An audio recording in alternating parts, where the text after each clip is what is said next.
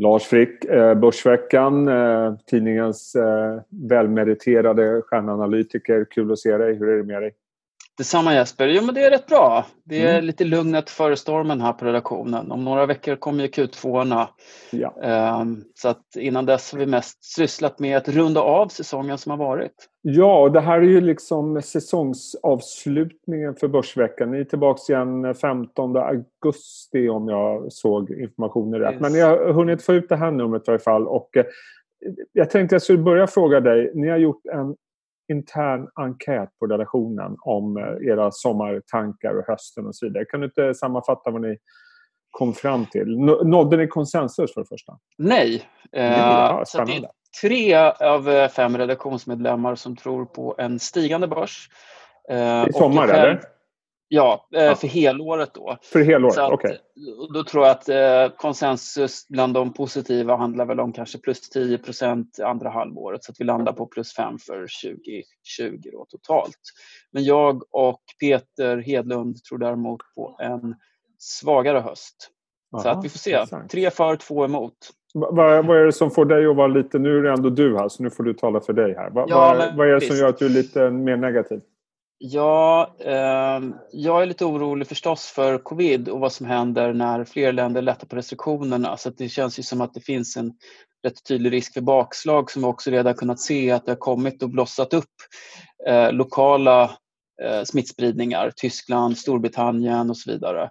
Eh, så att flera länder kommer få problem. Och då är frågan om börsen kanske gått händelserna lite i förväg här. Och nu pratar man om att som vi gjort hela våren egentligen. Att innevarande år, ett förlorat år, 2021 blir det bättre. Men om det här blir en utdragen process, ja, finns risk för bakslag. Och det är väl det när vi tittar på hot och möjligheter för andra halvåret så är det förstås att eh, en möjlighet skulle ju vara under slutet av innevarande år, om det kommer ett vaccin, så kan det säkert bli en fantastisk resa på börsen. Eh, men om det dröjer så ja, då kanske risken överväger. Eh, om vi ska köra lite backtrading här nu då och mm. eh, summera hur det har gått för era råd under första halvåret. Eh, mm. hur, hur, har det gått? Ja, om vi börjar med att titta på OMXSGI då med utdelningar så det är plus 9 Och tittar vi på våra köpråd så har de faktiskt gått plus 20% i genomsnitt eh, medan avvakta plus 2 och säljråden minus 12. Och även om vi tittar på medianvärden så är, eh, består mönstret. Då är eh, avkastningen förvisso lägre i absoluta tal men detsamma gäller också för OMXSGI. Mm. Så att vi tycker ändå att vi har lyckats hyggligt bra hittills då. Så att första halvåret, och vi har väl varit lite försiktigare med köp, ungefär 40% köp, 51% eh, avvakt och några sälj. Då. Så det handlar kanske mycket om det också, att när man ser att risken ökar, att man inte är lika snabb på hanen och, och sätta köp. Eh. Det är intressant. Se mm. vad som händer under hösten nu när redaktionen är så fundamentalt ja, splittrad. Mm. Och när vi tittar på bästa råd så eh, är det inte heller något tydligt mönster. Vår bästa köprekommendation har varit teknologibolaget Sinch då, kommunikation, eh, som har gått fantastiskt bra. Eh, men det finns liksom ingen sektor utan det har varit rätt mycket stockpicking. Ja, Sinch har ju gått fantastiskt bra. Det är ja. vilken resa den har gjort. Du, eh, jag vet att ni har ett par rekommendationer också i eh, det här numret. Och jag tänkte att vi skulle börja prata lite grann om ABB och Björn mm. Rosengrens. Eh, intåg som är mm. Eh, extremt efter förvänt förväntningarna är ju skyhöga får man väl ändå säga på ja. vad han ska åstadkomma. Ja, verkligen. Och det här är ju intressant. Eh, ABB har ju varit en strukturcase. Det är lite som Philip Kotler en gång, marknadsföringsgurun, mm. sa om Brasilien. It's a land of the future and it always will be. Med andemeningen då att det, det, var så lätt, det här var många år sedan han sa det, att det är så lätt att se att här skulle man kunna göra så mycket men det händer liksom aldrig. Och ABB har man ju pratat om i många år. Men någonstans så ökar väl trycket mer och mer och mer eh, och nu med ny VD så det är förstås ingen given spik men sannolikheten har i alla fall ökat att kommer tas de grepp som marknaden vill se i bolaget. Alltså, jag, jag, tänker ju så här att när det är så här väldigt stora förväntningar på en enskild person och vad den personen kan göra med ett bolag. Och med all respekt för Björn Rosengren, han, han har gjort fantastiskt jobb när han har varit mm. tidigare. Men det är ju inte alltid som de, sådana förväntningar infrias. Jag tänkte till exempel på när Alf Göransson kom till Securitas, jag tror det var 2007. Han kom från en kometkarriär på NCC där han gjort stordåd. Och förväntningarna var ju skyhöga på allt han skulle fixa med Securitas. Men i ärlighetens namn så hände det inte så jättemycket. Eh, och det var ganska länge som det var en viss besvikelse där. Har vi för höga mm. förväntningar på Björn Rosengren?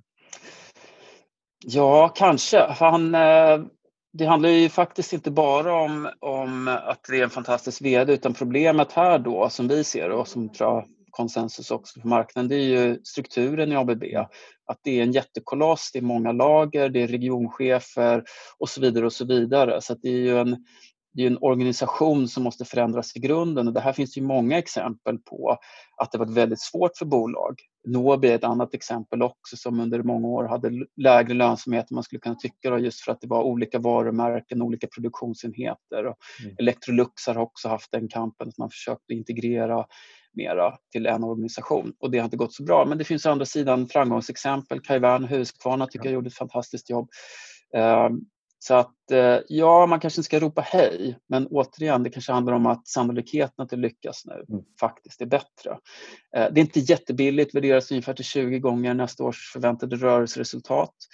Eh, men om man ser till estimaten, förväntningarna är höga på Björn Rosengren, men de har kanske inte justerats upp så mycket. Så okay. här finns det ändå en chans att överraska positivt. Och, så det, det, är ett ja. bet, det är precis det är ett bett på vdn kan man säga. Och Lindab då, vårt andra. Ja, ja jag, jag, tänkte på Lindab, är ju, det är också en, en hyllad VD. Mm. Ola Ringdahl är ju... Jag, jag, kan liksom inte riktigt komma på någon annan än Ola Ringdahl. Ja, det är möjligtvis Björn Rosengren då som mm. är så liksom, kollektivt omtyckt av förvaltarkollektivet. Mm. Eh, och han har gjort ett fantastiskt jobb. Marginalerna har kommit upp. Mm. Eh, och härifrån då, för det finns ju ändå en, en, en cyklikalitet i det här bolaget. Eh, hur, hur, ser ni på det? Precis. Jag tror att när det gäller cyklikaliteten då, alltså Lindab, de är ju verksamma inom, man kan säga inomhusmiljö sådär. För 80 procent av omsättningen är kommersiella eller ja, yrkesbostäder och 20 procent är bostäder, yrkesfastigheter menar jag, mm. Eh, och 20 procent är bostäder. Så att visst finns en cyklikalitet, men men vår bedömning är att man kanske överskattat den. Plus att jag tror det här med lönsamheten, till skillnad från ABB då, så har ju Ola och Linda visat att man har gjort ett fantastiskt lönsamhetslyft under fjolåret 2019. Eh, nu kom ju covid då tyvärr och satte punkt för, för den fina trenden men sannolikheten är hög att man kan återkomma till banan, att de åtgärder som har gjorts, om det funkade i fjol, varför skulle det inte funka så att säga, nästa år också då? Så att det här ser vi som ett tillfälligt hack i kurvan, att man kommer tillbaka till de här goda siffrorna. Så att med stigande lönsamhetstrend så har man ju operativt visat att bolaget förtjänar eh, ett stort förtroende. Eh, plus, och här finns ju ytterligare någon sorts ESG-vinkel, att miljö och energieffektivitet blir ju viktigare och viktigare. Eh, och här har ju Lindab en stark position. Eh, så att man har ju också lite draghjälp där. Och kanske att de stimulansåtgärder man gör nu delvis kommer fokuseras på den här typen av åtgärder. Då. Så det är ju ändå lätt att se eh, varför man ska vara optimistisk i Lindab. Både de historiken och framtidsutsikterna.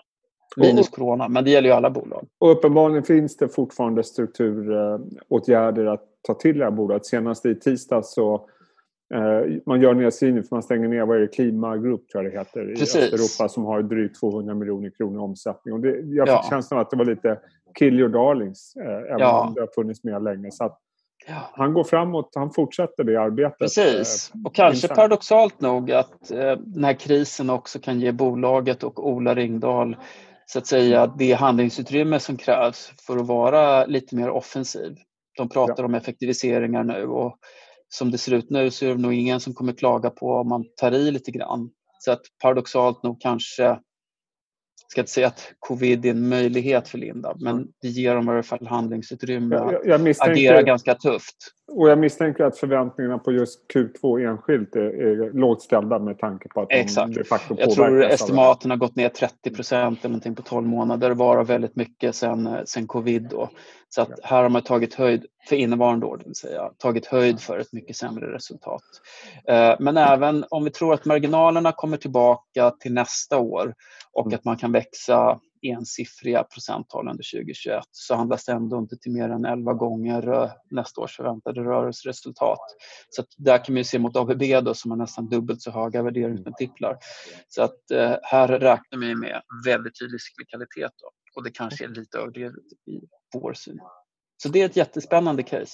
Intressant. Eh, jag ska faktiskt intervjua Ola Ringdahl här i samband med rapporten. Eh, får se vad han har att säga. Men du eh, Lasse, nu, nu tar vi lite Börsveckan-semester. Så är det. Så, så vi är hörs... tillbaka i mitten på augusti. Ja, men du och jag hörs innan dess. När vi Exakt, vi måste ju snacka om Q2. Det kommer inte bli någon munter läsning, men förhoppningsvis så orderingång, framtidsutsikter, finns ändå mycket att hämta där. Absolut, det blir väldigt spännande. Du, detsamma, sköt om det. Hej på dig! Hey